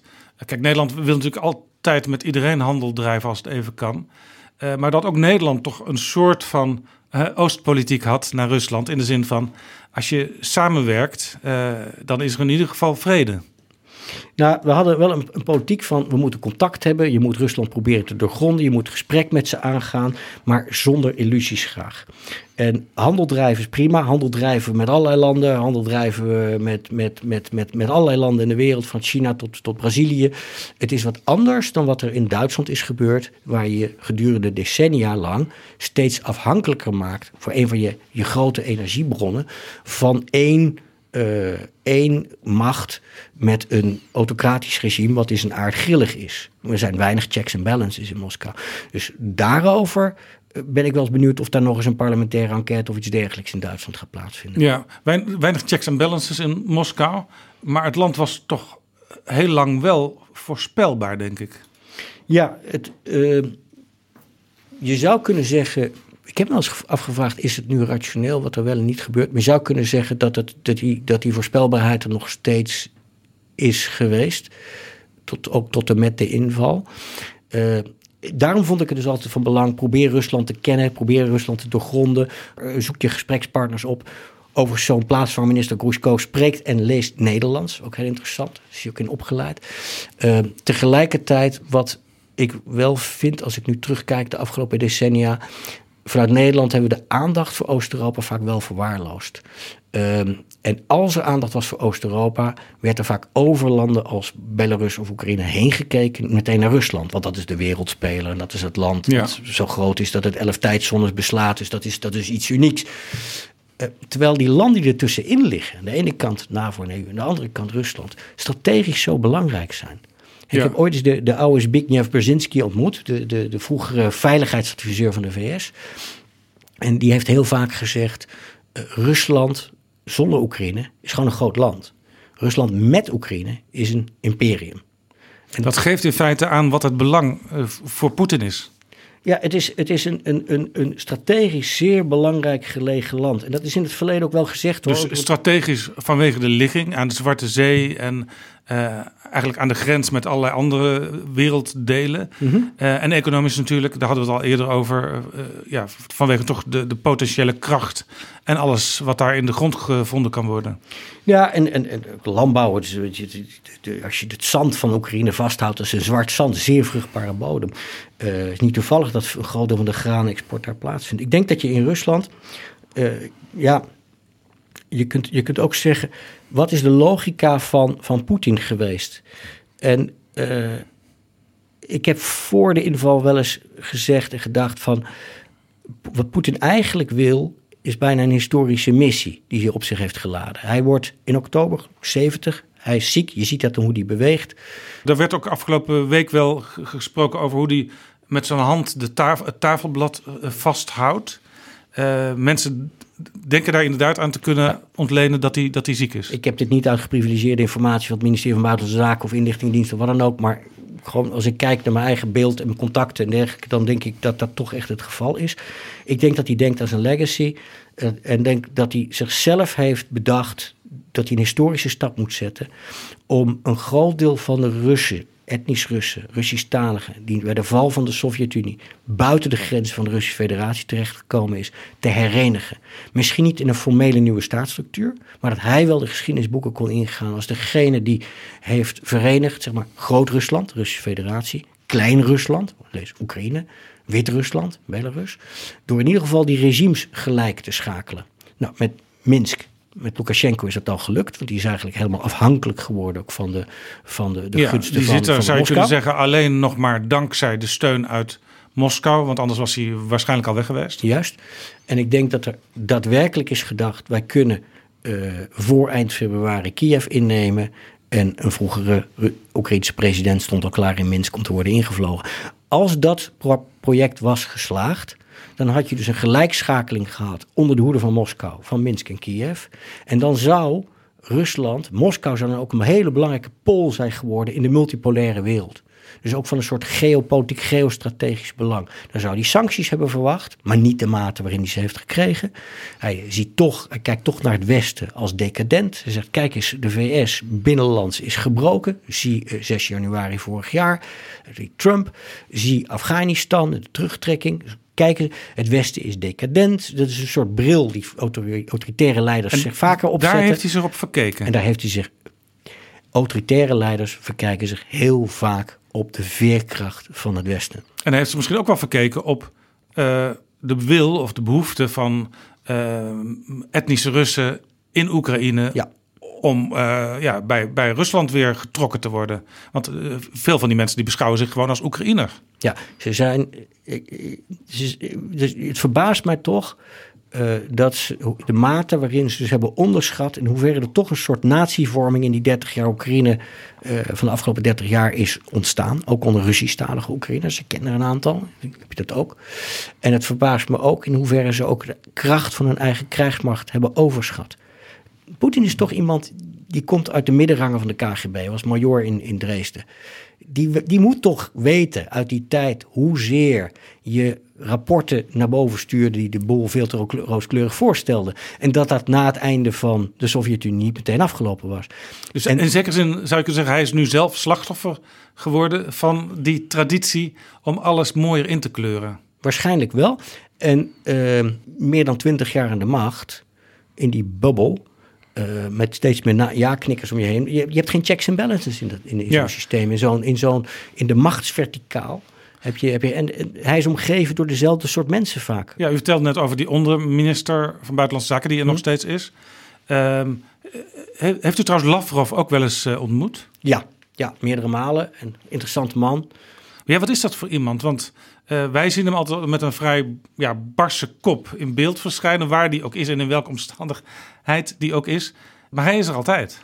Hij is er altijd en het is een, een, een, al, al heel lang speelt hij een rol in de Russische diplomatie, waardoor hij ontzettend veel weet. Eigenlijk zijn dossiers niet meer nodig heeft. Hij kan bij wijze van spreken op inhoudelijk terrein kan hij een rondje rennen rond ongeveer iedere West-Europese minister-collega. Poetin heeft hem dus ook echt nodig. Ik denk niet dat hij een centrale besluitvormer is, maar Poetin heeft hem wel heeft of had hem nodig. En, en Lavrov is Maar meer dan als, als vertegenwoordiger. Hij gaat gewoon aan de wereld vertellen eh, wat Poetin Ja. en misschien nog een paar mensen om Poetin heen besloten hebben. Ja, en, en zet de koers over wat Rusland in de Veiligheidsraad doet en dergelijke. Is een bijzondere, bijzondere vent. Hij, hij, ik kan me herinneren, hij rookt en, en, en drinkt eh, zonder mate, eh, maar blijft altijd messcherp. Hij is een keer hier in, in Den Haag ontvangen in het, eh, in het Johan de Withuis. En eh, ja, daar is toch eh, naar verluid het, eh, het alarm, het rookalarm afgegaan dat op de wc even een sigaretje opstak. Ja, ja. Ik heb hem wel eens meegemaakt in, hoe heet het mooie kasteel Duivenvoorde in Voorschoten. waar eigenlijk een ja, niet-roken situatie gold. Maar de directeur-generaal van het ministerie toch maar even een asbak uit de keuken ging halen voor de man. Ik heb hem ook eens meegemaakt. Je, hebt je hebt in 2009, maart 2009, die Afghanistan-top in Den Haag gehad met Hillary Clinton Oh en ja. dergelijke. Daar was hij ook. En eh, daar werd aan het eind van de dag werd daar het blad rondgedeeld met jenevertjes. Hij heeft er drie genomen en had daarna een perfect gesprek met Jan-Peter Balkenende. Ja, maar u heeft dus, u heeft dus eh, vaak meegemaakt, zoals dat in de diplomatieke wereld gaat, eh, dat je met elkaar praat over belangen van je land, eh, ook over wederzijdse belangen. En dat je ook probeert compromissen te sluiten waar misschien een jaar eerder nog geen sprake van was. Ja, maar ik vind het moeilijk te zeggen in dit geval. Waar dat, eh, ik vind het heel moeilijk te zeggen. Maar met andere woorden, eh, Lavrov was een echte, of is nog steeds een echte topdiplomaat. Maar zo'n man die, die vertegenwoordigt nu, ja, we kunnen nu wel zeggen een regime, want dat Ja, is altijd een ja, ja. negatieve kwalificatie. Dat was het al. Eh, een, een, een, een regime waar eigenlijk de hele wereld, of in ieder geval de westerse wereld, volledig de bak van heeft.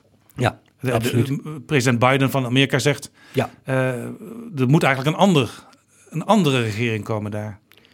Wat heel raar is voor een, een leider van Amerika Ja. om dat zo te zeggen. Ik weet niet of dat zo gebeurt. Ik denk, dat ik- je ziet nog heel weinig mensen eh, aftreden in Moskou. Je hebt die klimaatgezant zien aftreden. De CEO van Aeroflot als belangrijke baas. Maar misschien gebeurt er meer dan we weten. Ik, ik, ik, kan- ik heb Er wordt ook wel gezegd dat sommigen weg zouden willen, maar bang zijn dat Juist. bijvoorbeeld hun partner in de gevangenis terechtkomt. Niemand wil als eerste weg, want die krijgt klappen, zeg maar van spreken. Ehm, ik weet niet hoe dit verder gaat lopen. Dat weet ik niet. Ik weet ook niet hoe dit verder gaat lopen in relatie tot Oekraïne en die, die verschrikkelijke oorlog. Je kunt je een situatie voorstellen, even terug naar zeg maar mijn blik vanuit de bank. Een situatie voorstellen waarin je toch, ja, je krijgt geen alomvattend vredesakkoord, maar je krijgt misschien wel een staakt het vuren. Misschien zelfs eenzijdig door Poetin afgekondigd. Maar staakt het vuren waarbij een dreiging voortbestaat dat het conflict weer kan, op, op- eh, weer, weer kan opvlammen. Ja, dat is eigenlijk en zoals- Rusland weer kan binnenvallen. Zoals de Russen het eh, de laatste tientallen jaren steeds hebben gedaan. Eh, bijvoorbeeld een stukje Donbass inpikken, de Krim inpikken, eh, Transnistrië in De, Moldavië. de, de bevroren conflicten in Georgië, in, in Moldavië, et cetera. En die situatie, zeg ik vanuit mijn bankaire perspectief, ja, heel slecht zou die zijn voor economische ontwikkeling en wederopbouw.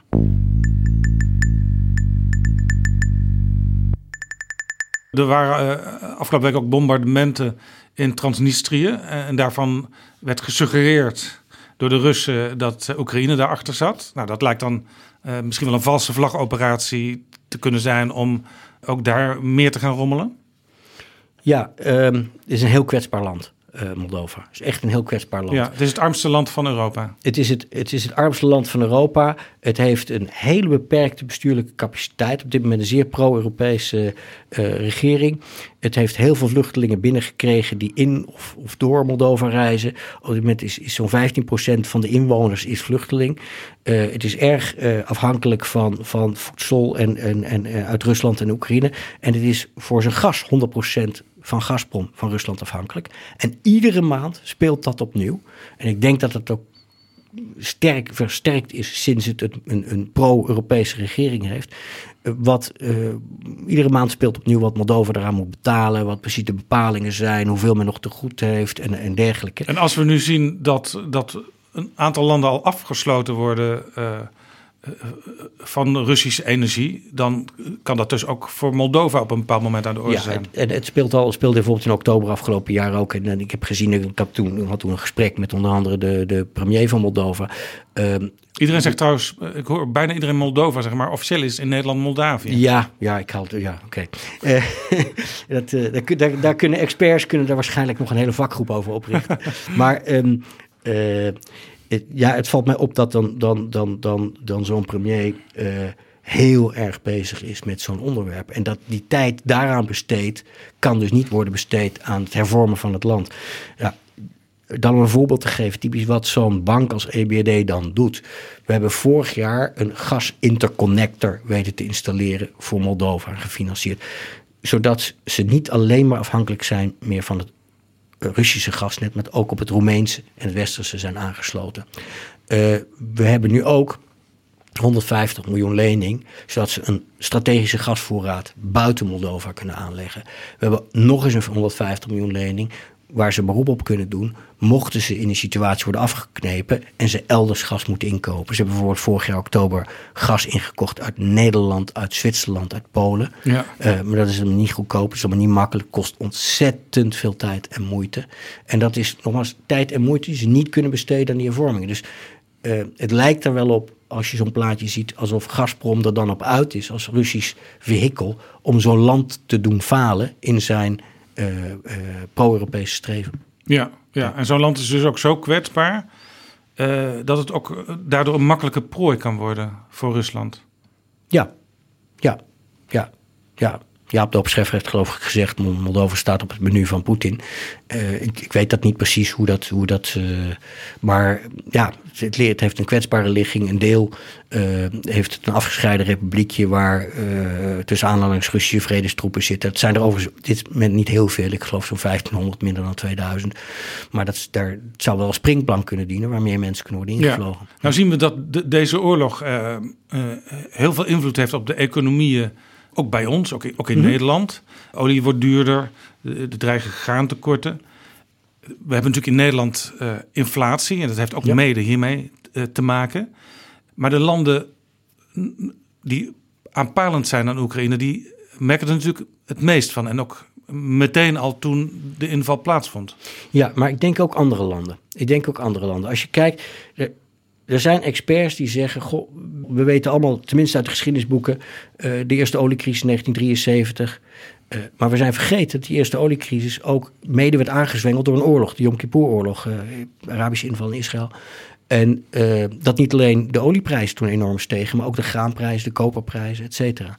Nou, je zou zoiets nu kunnen zien. Ik ben niet een expert op dat gebied, maar je zou iets nu kunnen zien. Energieprijzen stijgen, voedselprijzen, graan, mais, kunstmest, vaak potassium gebaseerd, Rusland.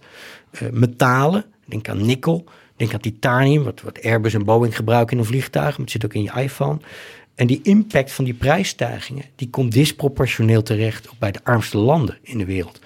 Ehm, gewoon omdat in armere landen je relatief veel meer van je, van je, je inkomen besteedt aan voedsel. In, in, in Duitsland of Nederland en aan, aan, aan energie. In Duitsland of Nederland besteed je, geloof in Nederland 8% maar van je, van je overheidsinkomen, van je, eh, je gezinsinkomen aan, aan, aan voeding. In een wat armere land als Noord-Macedonië is dat 40%. En dat is echt niet omdat ja. ze allemaal zo luxe eten daar. Nee.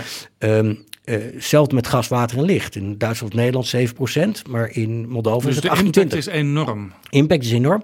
En ik denk dat die impact ook met name enorm gaat zijn als je bijvoorbeeld kijkt naar graanexport van Oekraïne. Waar gaat dat heen?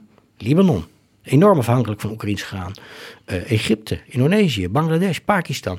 Sommige Dus landen die, die zelf eh, relatief weinig eh, vruchtbare landbouw hebben en dus weinig voedsel produceren zelf. Ja, en soms zullen ze dat makkelijker kunnen ontwikkelen binnenlands, maar soms is dat te weinig plaats voor, denk ik aan Libanon. Of is het te aride, te woestijnig, Egypte, en zullen ze toch van die import afhankelijk blijven.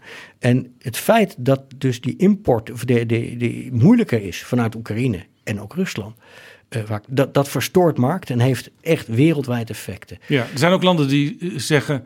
Eh, wij houden bepaalde dingen voorlopig eh, voor onszelf. Bijvoorbeeld Indonesië die stopt met de export van palmolie. Ja, nou daar zie je typisch een effect. Er is eh zonnebloemolie, dat komt voor een heel groot deel van de wereldproductie komt uit Oekraïne. De export daarvan stokt. Ter vervanging wordt palmolie opgekocht. Dat heeft een enorm gevolg voor de, voor de landen die veel palmolie gebruiken, zoals Indonesië. En daar zijn ook al sociale spanningen ontstaan. Over voedselprijsstijgingen, mede als gevolg te, te relateren aan deze oorlog. Iemand van Oxfam Novib legt uit van ja, dat, dat is tot in Peru, tot in Sri Lanka, zie je dus maatschappelijke spanningen door de inflatiedruk die dat heeft veroorzaakt.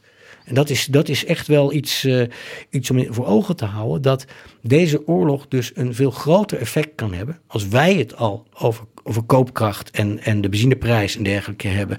En accijnzen verlagen. Kun je ook indenken hoe dat gaat in landen die veel armer zijn. Ook uh, buiten Europa. Ja, het kan dus ook tot revolutie leiden. Want uh, bijvoorbeeld de Arabische lente.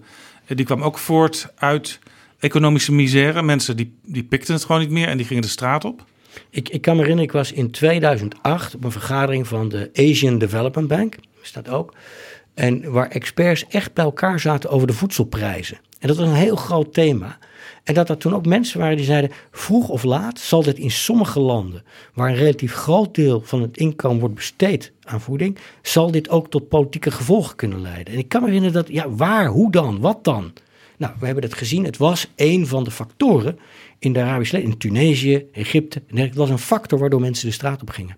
Dus wat er nu gebeurt, kan tot gevolgen leiden voor de ontwikkeling in heel veel derde wereldlanden, maar kan ook eventueel tot politieke gevolgen leiden. Ik kan niet zeggen hoe en waar precies, maar nee. daar moeten we wel nu naar gaan kijken.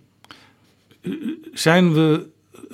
Uh, is deze crisis vergelijkbaar met, u, u, noemde het net al, de oliecrisis in de jaren 70, de, de impact daarvan? Ja, ik vind het heel flauw om te zeggen, maar misschien te vroeg om dat te kunnen beoordelen. Het valt me wel op dat er dus economische experts zijn die dat nu, die zeggen van ja, dit is wel iets wat we nu moeten onderzoeken. En misschien komen we tot de conclusie dat het niet zo is. Maar dit is wel, het is interessant dat, dat professoren economie chief economist van organisaties Wereldbank, IMF, EBRD en dergelijke, dat die nu zeggen: dit moeten we wel nader bestuderen. Ja, ja. we kwamen net uit de, uit de, de, de, de COVID-crisis en de economische gevolgen die daar waren. Mm -hmm. uh, en het leek uh, dat, dat uh, als we even op Europa kijken, mm -hmm. dat Europa daar relatief ongeschonden weer uit zou kunnen komen. Maar dat beeld dat is nu dus langzamerhand aan het kantelen door die oorlog in Oekraïne. Uh, ik denk dat dit wel, ja, dit kan een terugslag veroorzaken. Er zijn ook landen die profiteren van de situatie, olieproducerende landen en dergelijke. Uh, sommige landen in Afrika zullen juist profiteren van hogere voedselprijzen. Maar het is nu wel heel goed zaak om te doordenken. Nou ja, het bizarre is, waar wel niet. Ho hogere olieprijzen. De Russen die hebben meer inkomsten uit, uit uh, olie en gas dan ooit. Want die prijzen zijn flink gestegen. Ja. En zij leveren die ja. spullen. Ja, ja, en ik denk dat dat. Uh, en, en ja, dat, dat blijft enorm. De, de, de Russische olie- en gasexport. Ja, dat is 20 miljard dollar per maand. Uh, dat is de helft van de Russische goederenexport. Een derde van de Russische overheidsinkomsten komt uit de olie- en gasexport. Dus uh, ja, en in hoeverre sancties daarop effect kunnen hebben, bijvoorbeeld olie. Uh, dat hangt straks heel sterk samen met de vraag of ze alternatieve bestemmingen daarvoor kunnen, ja, kunnen vinden. Want het idee van Europa is, uh, los van wat de Russen zelf doen, maar de Europese Unie die wil zo snel mogelijk uh, onafhankelijk van die bronnen zijn. Mm -hmm. heeft Rusland voldoende perspectief op andere klanten? Ja, dat, dat, dat gaat niet 1, 2, 3. Want bijvoorbeeld de, de Russische olie is vrij zwaar, zwavelhoudend. Dus die, moet je apparatuur omzetten en dergelijke. Maar ze zullen wel proberen alternatieve bestemmingen ja, daaraan extra te verkopen. En dan moet je denken aan landen als Egypte en zo. En dat is dus, als je die, wil dat die sancties werken, is het dus ook wel zaak om druk om dat soort landen te zetten. Van neem in ieder geval geen extra olie van Rusland af. Ja, dus bijvoorbeeld minister Wopke Hoekstra van Buitenlandse Zaken, die moet ook met dat soort landen hierover in gesprek gaan. Hij was onlangs in India, die, die, die hebben ook een band met Rusland. Ja, uh, India ook een heel, heel belangrijk land. Heeft inderdaad een band met Rusland, economisch, militair, uh, anderszins. Uh, calculeert natuurlijk ook, zegt ook van ja, kijk eens, wij hebben een sterk groeiende bevolking, dus we hebben grondstoffen nodig. Heeft ook altijd het idee gehad, we hebben Rusland nodig als tegenwicht tegen China, wat we wat, wat als een grote bedreiging zien, et cetera. Maar terugkomend op die olie, het is natuurlijk een vraag, ja, waar, waarheen kan Rusland het verschepen? Dat is denk ik een hele belangrijke vraag. Ja, wat, wat is de economische krimp van Rusland op het moment? Op dit moment uh, onze raming is voor dit jaar uh, 10% eraf. En, uh, en Rusland zelf, de Russische rekenkamer zelf, zegt ook 8,8%. Dus dat is, en dat is minder dan velen misschien zouden verwachten. Maar dat komt omdat sancties, voordat ze effect hebben, dat duurt het een tijdje. Wanneer kun je spreken van uh, Rusland bankroet? dat vind ik moeilijk om te zeggen, maar dat zou er wel technisch aan kunnen komen. Wat ik denk, wat heel belangrijk is... De roebel, is, de roebel is natuurlijk al lang geen munt meer die serieus wordt genomen. Nee. Nee. Kijk, ze waren, ze waren wel op deze hele situatie voorbereid. Hè? Ze, hadden, ze hadden een heel strak begrotingsbeleid gehanteerd. Ze hadden enorme reserves opgebouwd, 620 miljard dollar. Uh, ze hebben zwaardere sancties gekregen dan ze hadden gedacht, SWIFT, et cetera. Maar ik denk dat het heel belangrijk is nu te kijken wat gaat er niet gebeuren met Rusland. Heel veel investeerders zullen de komende jaren daar niet willen investeren. Uh, je zult een soort Sovjetisering van, van de Russische economie zien. Dat die op zichzelf wordt teruggeworpen. Ja, de sancties blijven natuurlijk ook nog lang uh, doorgaan. Dat, dat, ja, dat hangt er Zolang Poetin daar nog zit. Ja, maar... Uh, ja, je kunt ook zeggen, ja, men zal zeg maar, toegang tot een hele westerse technologie ontberen die men zelf eigenlijk nodig heeft, ook om zijn economische infrastructuur of zijn, eh, zijn energieinfrastructuur te moderniseren, wat nodig is. Uh, jonge Russen met hoge opleidingen, die ze vaak hebben, die zullen liever naar het westen gaan om in de high-tech en zo te werken. Ik hoor ook al uit, eh, uit Rusland van, van mensen die zeggen, ja, ik ben bang dat op een gegeven moment de vliegtuigen niet meer vliegen, want ook Russische maatschappijen als Sibir en, en Aeroflot maken toch heel veel gebruik van, van Airbus en Boeing vliegtuigen in plaats van Tupolevs of Ilyushins deze tijd. En ook die Ilyushins en Tupolevs, als men die weer die, die, zijn, die hebben vaak nog westerse motoren, westerse radarsystemen. Ja, dus, dus als onderdelen ombouwen duurt tijd. Dan, dan, dan moet je ook nog maar afvragen als Rusland, eh, kunnen we die onderdelen wel vervangen? In een land wat elf tijdzones omvat, heb je vliegverkeer nodig. En op een gegeven moment, mensen praten er dus kennelijk al wel over in Rusland. Wat gebeurt er als we niet meer kunnen, kunnen vliegen? Dus er zijn allerlei dingen die het, uh, het, het, moeilijk maken. Maar Rusland, wij zeggen nu 10% krimp dit jaar, 0% groei vanwege sanctiewerking volgend jaar. Uh, het beeld van die Russische economie is moeilijk te verkrijgen, omdat die munt nog maar gedeeltelijk convertibel is. Dus het echte macro-economische beeld is moeilijk te verkrijgen. Ja. Dit is Betrouwbare Bronnen. Als we nou uh, weer even teruggaan naar Oekraïne. Mm -hmm. Stel, er komt, ja, het is altijd lastig, er komt een wapenstilstand en uh, in ieder geval de oorlog zoals die op dit moment plaatsvindt, die houdt op. Mm -hmm. uh, los van hoe Oekraïne er, er verder bij ligt. Kan Oekraïne er weer bovenop komen en, en hoe snel zou dat kunnen? Ja, kijk, er zijn hele grote, alle inschattingen over de schade en hoeveel moet er, hoeveel, de premier daar zegt 119 miljard eh, dollar. Het is heel moeilijk te zeggen, ook afhankelijk van hoe de oorlog afloopt en hoe die lang gaat duren. Ja, er is zelfs een schatting van 200 tot ja, 500 uh, 540 miljard. Ja, ja, daar, dus, eh, daar kun je hele discussies hebben met elkaar over hoe je dit meet.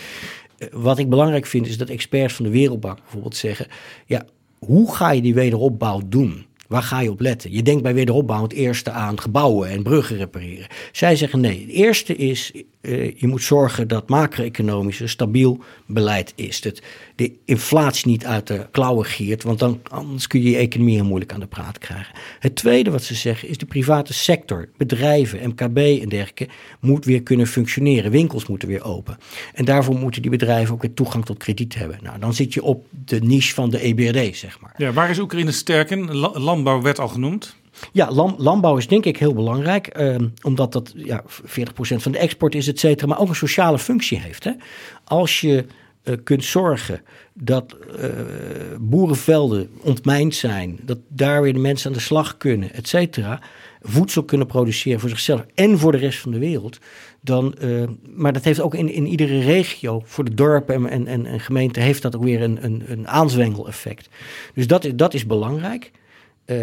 Nou, daarnaast moet je zorgen dat het geld, het wederopbouwgeld, dat ongetwijfeld zal binnenkomen, ik weet niet hoe gefinancierd, maar van de EU en de Wereldbank en dergelijke, dat dat op een goede manier wordt gemanaged. En daar moet je dus ook weer de corruptie bij bestrijden. Daarom is het ook beter eigenlijk om via bedrijven en zo te werken dan via hele grote accounts waar je het overmaakt. Maar ja, eigenlijk moet... zoals vroeger vaak ook over ontwikkelingssamenwerking met bepaalde landen werd gezegd.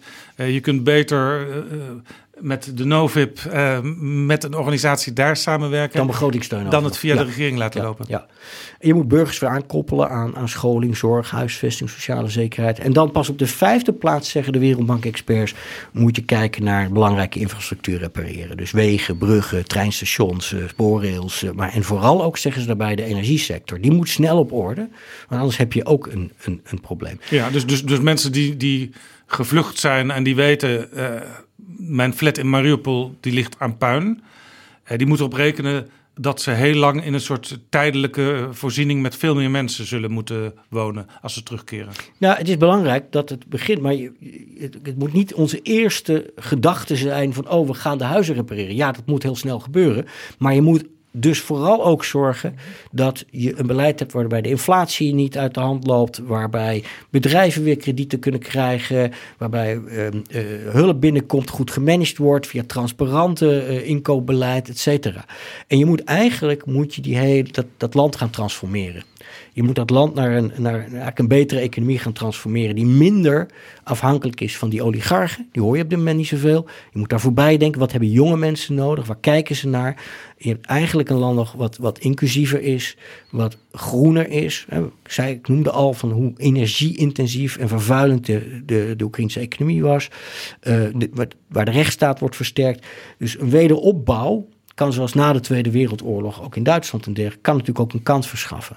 Ja, dus, dus, dus je kunt ook wel degelijk lessen leren uit eerdere eh, wederopbouwvoorbeelden.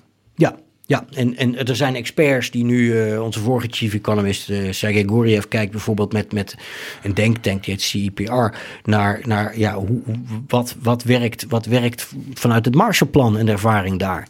Hè, en komt tot een advies, er moet een apart agentschap voor worden opgericht, zoals bij het Marshallplan en dergelijke. Ik weet niet hoe dat allemaal precies zit. Op dit moment over wederopbouw is nog vrij onduidelijk wat zeg maar de internationale architectuur wordt. Ik denk dat de, de G7-landen, ik weet dat de G7-landen daar al wel over, over nadenken. En, en de EBRD, uw bank, is daar dan een van de partners in, in zo'n wederopbouwplan. Het zal ongetwijfeld een zeer centrale partner in dat, in dat spel zijn. Maar je moet ook gaan kijken, ja, eh, waar komt financiering daar vandaan? Ik kan me heel goed indenken dat mensen die bezig zijn met de ontwikkeling van Afrika of van armere Aziatische landen zeggen, ja, wacht even, dat moet niet zomaar ten koste van ons gaan. Dat, dat, dat, wij moeten ook onze programma's kunnen doorzetten. Eh, dus daar moet je oplossingen voor verzinnen. Ja, dat is altijd een beetje de tragiek ook. Hè? Ehm, eh, als, als nu gewone burgers, Nederlanders, gevraagd wordt om geld voor Oekraïne, dan, dan storten ze. Terwijl in normale tijden dan zijn ze misschien ook wel bereid om eh, iets voor Jemen te doen. Ja, ja. En, en dat, dat, dat gebeurt nu veel minder. Ja, ja die trade-offs, dat is, dat, dat, dat, is, dat is moeilijk. We hebben uiteraard een hele logische focus nu op, op Oekraïne. En er zullen ook andere dingen voor nodig zijn dan elders. Uh, maar en, en er zijn ook ideeën al geweest. Canada, maar in Nederland, Pieter Omtzigt, heb ik er ook al over gehoord. Uh, die zeggen van ja, je moet eens kijken wat kun je met die bevoorrechte te goede doen. Hè? Van, Ja. van oligarchen. en Ja, de. Amerikanen zeggen, die zou je eigenlijk eh, nu rechtstreeks aan Oekraïne moeten geven. Er is net een wetsvoorstel in het Huis van Afgevaardigden aangenomen. Uh, maar je- Is dat, je- is, dat, is dat eigenlijk internationaal rechtelijk? Is dat wel. eh, Ja, dat vraag ik me af. Dat, dat, dat, dat moeten we dus ook bestuderen. Hoe dat zit qua volkenrechtelijk mandaat. Want, want normaal is gesproken heb je bevriezen een- en dat geld, daar mag je niet aankomen in principe. Ja, normaal gesproken zou je zeggen dat je een resolutie van de Veiligheidsraad nodig hebt. Maar ja, daar zit een Russisch vetorecht in. Ja. Ja, dat gaat dus nooit goed, gebeuren. dit zijn wel dingen waarvan je moet kijken. eh, kan dit? Hoe werkt dit? Eh, je, moet- je moet dingen bestuderen nu. Ook als je de wederopbouw nu nog niet kunt doen, kun je er wel aan werken dat zodra dat mogelijk is, dat zo snel mogelijk kan. Ja, ja. Ja. Ehm, ik las het rapport In the Shadow of the War. Dat eh, rapport van de EBRD. Mhm. Het is in maart verschenen. Daar staat in dat migranten uit Oekraïne in de EU een impuls kunnen geven aan de bij ons snel vergrijzende economieën. Dat is interessant, maar die mensen zijn uiteindelijk toch straks toch thuis gewoon weer nodig. Ja, dit, geldt met name voor landen als Polen, zeg maar, voor landen in de EBD-regio, landen waar we investeren. Ja, die zijn thuis nodig. Op dit moment zie je wel eh, eh, dat er is een grote instroom van vluchtelingen in landen als Polen. Hè. Er zijn nu 3 miljoen. Ehm, Ja, enorm. eh, Polen heeft tegelijkertijd een hele lage werkloosheid, echt met 3 En je kunt dus heel veel vluchtelingen snel in die arbeidsmarkt integreren aan het werk brengen. ja, ook in Nederland zijn best wel wat vluchtelingen inmiddels al aan het werk. Ja, eh, veel van de vluchtelingen zijn vrouwen met kinderen. Nou, als je dus zorgt voor de scholing en de opvang, dan kunnen die meiden ook aan het werk. kijk, de Oekraïnse vluchtelingen zijn cultureel natuurlijk sterk verwant aan, aan, aan ook Polen. Dus ik denk dat de integratie daar vrij sneller uh, zal, zal gaan. En ook qua opleiding en niet alleen niveau, maar ook de vaardigheden, et cetera, sluiten redelijk goed aan op wat je in Midden-Europa hebt, uh, nodig hebt en wat gevraagd wordt op de arbeidsmarkt. Veel meer dan dat geldt voor Afghaanse of, of, of Syrische vluchtelingen. Ja. Dus ik denk dat inderdaad in die vergrijzende, krimpende arbeidsmarkten van, van landen als, als Polen, Tsjechië, Slowakije en dergelijke, het beste is kan zijn dat zij snel aan de bak komen. En dan is er wel de vervolgvraag, hoeveel mensen gaan terug? En daar zijn verschillende soort cijfers en discussies over. Sommigen zeggen historisch blijft zo'n 40% hangen, anderen zeggen nee, je blijft 20% van hangen. Ja, want er is natuurlijk een voorbeeld, uh, u noemt Polen.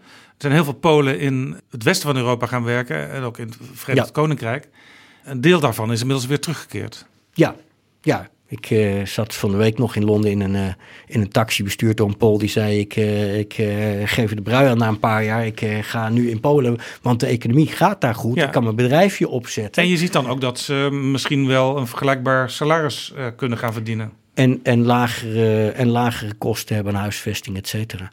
Dus uh, heel veel hangt af ook van het economisch perspectief wat je dan kunt bieden of mensen teruggaan. Als er economisch perspectief snel weer kan plaatsvinden, is, is versterkt ook zeg maar een, een, een post-conflict management in allerlei opzichten. Ook, in, ja, ook in dit opzicht. Ja, het kan natuurlijk in zekere zin ook helpen als mensen in bijvoorbeeld Nederland werken, uh, Oekraïners.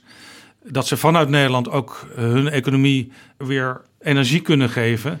Uh, omdat Nederlandse bedrijven dan ook weer misschien wel meer met Oekraïne en Oekraïnse bedrijven gaan samenwerken. Ja, ik, ik, ik weet niet hoe dat precies zou kunnen uitwerken tussen Nederland en Oekraïne. Ik weet wel dat zeg maar, voor de aan Oekraïne grenzende landen, in een aantal daarvan, landen die wat beter gaan, zoals Slowakije, Hongarije, Polen, uh, dat, dat, uh, dat men ja, daar eigenlijk qua arbeidsmarkt uh, het best aan zou moeten kunnen.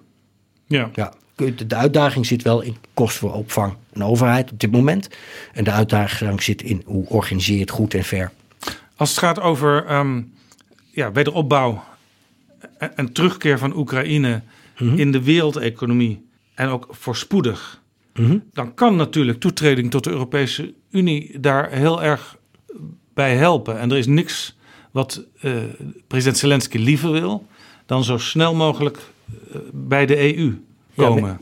Ja, mensen die zelf uit, uit, uit, uit het land als Polen komen, dat hebben meegemaakt. En ik heb in Polen drie jaar gewoond en gewerkt, nog voordat het tot de EU en de NAVO toetrad. Dan zag je dat dat, dat dat perspectief was echt een anker. Daar werkte men heen, daar wilde men bij horen. En er werd heel veel aan ondergeschikt ja, gemaakt. Dat heb je dus ook nodig, zonder dat je misschien al weet wanneer dat precies gaat gebeuren. Maar je moet daar naartoe kunnen werken. Laat ik zo zeggen, dat zou een enorme stimulans zijn. Tegelijkertijd, ik zie wel van ja, daar moet dan ook draagvlak voor zijn. Ook hier, aan deze Ja. kant van de Europese Ja, Unie. Nederland En is bijvoorbeeld daar terughoudend in, Ja. premier Rutte. ik denk niet alleen Nederland. Als ik gewoon op basis van mijn eigen contacten luister. In, in Parijs, Madrid en Brussel, België en, eh, en dergelijke. Dan denk ik dat mevrouw van der Leyen wel ver voor de troepen uit is gaan lopen. Eh, het is Ja, die had het over een versnelde procedure. Ja, het is, het, is, eh, ik- het is een feit dat als een land echt daarbij zo'n club wil horen... en die club stelt bepaalde eisen... zo iemand gaat zijn best doen. Zo'n land gaat zijn best doen. En dat hebben we inderdaad in, in, in Polen en dergelijke gezien. Maar tegelijk moet er draagvlak hier zijn. Politiek, er moet absorptiecapaciteit zijn... van de organisatie van de Europese Unie. Dat is een heel ander vraagstuk waar... Ja, ik ga niet wat dat betreft op de stoel van de Nederlandse regering Nee. zitten. De paradox is natuurlijk dat eh, eh, Poetin, die wilde absoluut niet dat Oekraïne bij de NAVO of bij de EU kwam. En de dag dat dat gaat gebeuren is dichterbij dan ooit. Ja, en de dag dat Finland en Zweden tot de NAVO toetreden... is nog dichterbij. En dat, Dat gebeurt misschien dit jaar al. Ja, dat zijn toch dat is deel van de misrekeningen en, eh, van, van, die er in Moskou gemaakt is. En ook van de, de enorme gok die Poetin genomen. En wat dat betreft kun je zeggen, de eerste fase van deze oorlog. Waarin hij echt dacht aan die gelijkschakeling van regimes in Minsk en Kiev. Moskou is een belangrijke pool in de wereld die gerespecteerd zou kunnen worden. Gelijke rol zou spelen als Washington en Peking. Nee, die fase heeft hij verloren. Dat deel van de oorlog heeft hij verloren. Het, het geostrategische deel van de oorlog is verloren. Nu zitten we in de tweede fase en gaat het over Oost-Zuidoost-Oekraïne. En Misschien dat hij dat wil binnentrekken als een soort Nova Russia. Eh, dat weet ik niet. Dat kan ook een verschrikkelijke fase zijn. Dat kan ook een fase met, met, met heel veel. Met heel veel deze man beseft dat als hij de oorlog verliest, dat hij mm, zijn pre, dat het eind van zijn presidentschap is ingeluid. Ik weet niet hoe dat verder loopt. Er zijn allerlei scenario's over. Daar ben ik niet primair voor verantwoordelijk. Die hebben wel verschillende economische effecten. Maar... Ja, dat is het terug natuurlijk als je op dit moment in het Kremlin zou zitten. Uh, daar moeten toch een aantal mensen nu langzamerhand doorhebben. Uh, wij kunnen deze oorlog niet winnen. Maar tegelijkertijd moeten ze constateren, ja, we mogen hem ook niet verliezen. Ja, en de vraag is wat ze wat dat betreft aan een baas durven zeggen. Ik vond het heel typerend. Je had vlak voor die invasie had je die vergadering die op tv werd uitgezonden. Met je nepvergadering. Ja, met al die hoogwaardigheidskleden op stoeltjes. Ja, die mevrouw. Eentje die, nog even werd toegesproken van... Ja, uh... en precies die bedoel ik, Narishkin. Uh, man met eigenlijk uh, veiligheidsdienstman met veel ervaring. Komt uit een chique familie. normaal zeer veel zelfvertrouwen. Ehm, misschien zelfs een beetje neerkijkt op iemand als Poetin. En die stond daar te stuntelen en werd afge, uh, ja, afgekapt. Misschien is er wel, hebben wel mensen gezegd, misschien is er eerder wel een echte vergadering geweest. waarin die man zei: waar, wijs erop. Uh, we krijgen niet zo makkelijk het volk achter ons in Oekraïne voor deze inval. Ja. Ook niet de Russisch taligen. Ja. Misschien lukt dat of dat niet. En is hij. Uh, en, uh, ja, mis, misschien. Dat dit hebben een stukje was waarin Poetin nog even dacht: ik moet hem even te, te, kakken zetten. Ja, dat kan. Dat kan. Ik weet niet, maar misschien zijn er wel mensen die echt wel hebben gedacht: van weet welke risico's je gaat lopen, maar dat hij het ook niet meer. Hij heeft, hij heeft via dat toneelstukje natuurlijk al die mensen medeplichtig gemaakt. Ja. Ze kunnen niet meer terug.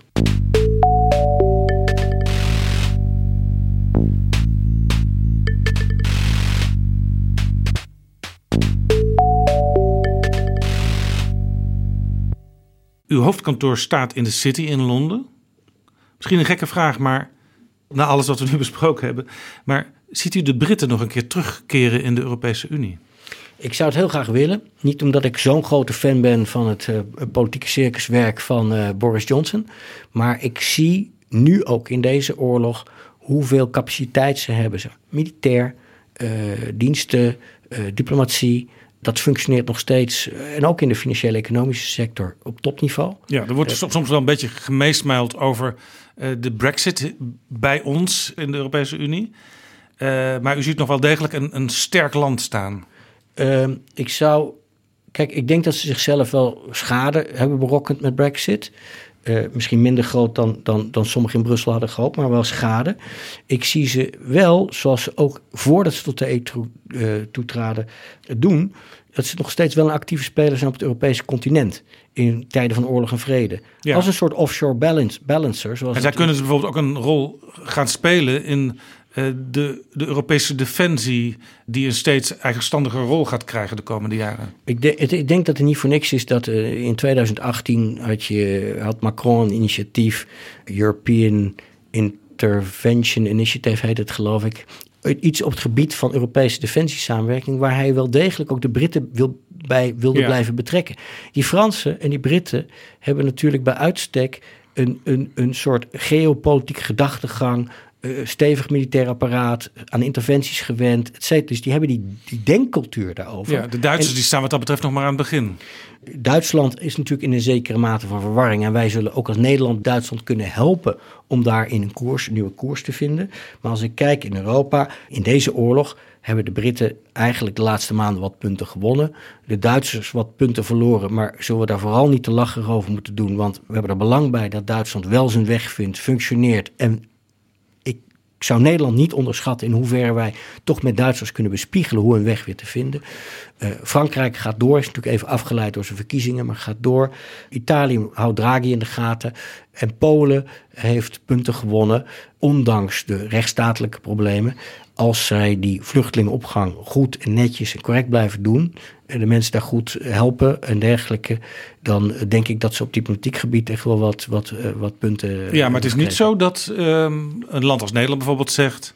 Wij knijpen een oogje dicht bij die rechtsstatelijke aspecten voor Polen. Ik denk niet dat dat moet gebeuren. Ik denk tegelijkertijd nu in de oorlog wel van ultiem belang is om samen te blijven staan. Dat is waar, waar Poetin het meest van, denk ik, verbaasd over is. Hoe sterk het Westen en Europa in bijzonder uh, samen zijn gaan optrekken. En hoe snel we toch met z'n allen zijn gekomen tot uh, hele bouwde maatregelen. Nogals, we kunnen, we, kunnen, we kunnen lacherig doen over een Duitsland wat met zichzelf soms in de knoop zit over wanneer wel niet leveranties tot het tot besluitvorming komt. Gezien de Duitse geschiedenis is dat allemaal niet zo verbazingwekkend. Maar bedenk ook even, Nord Stream 2, het was een paar jaar geleden ondenkbaar dat ze met het project stopten. Ja, en, dus en, de scepticis over Europa, die um, een jaar of tien geleden heel sterk was, die is eigenlijk bijna weg, zou je kunnen zeggen. We zien nu hoe belangrijk het is om samen te werken en zelf een stevige positie op het wereldtoneel in te nemen. Ja, je hebt heel veel theoretische discussies gehad over strategische autonomie en dergelijke thematiek. Uh, ik vind het nu interessant te zien. Kijk, ik kijk naar Europa niet alleen door de bril van de instellingen in Brussel. Ik kijk ook gewoon naar het gewicht van landen en wat ze doen binnen Europa, binnen die Europese familie. Wat ze echt leveren. Wat, ja, en dan zie je kleine vredelievende landen, of relatief kleine vredelievende landen, Zweden, België, Nederland, zie je echt leveren op het gebied van wapens in Oekraïne. Nou, dat maakt wel indruk. En dat in zichzelf heeft weer invloed op Duitsland. Die dingen die helpen allemaal. Dus het is echt wel. Ik zou onze rol ook niet helemaal onder, willen onderschatten. Uh, Nederland is geen G7-speler. Dus in, in, een soort financiële instellingen waar ik werk, is echt dat is de eredivisie. En daaronder kun je een goede eerste divisieclub ja. zijn. Maar uh, het spel van goede eerste divisieclubs kan uh, soms wel degelijk ook die anderen inspireren. En ik zou niet willen onderschatten wat Nederland met zijn diplomatieke, militaire en andere capaciteiten ook voor elkaar kan krijgen. Casper Veldkamp, hartelijk dank voor dit gesprek. Hartelijk dank voor jouw interview.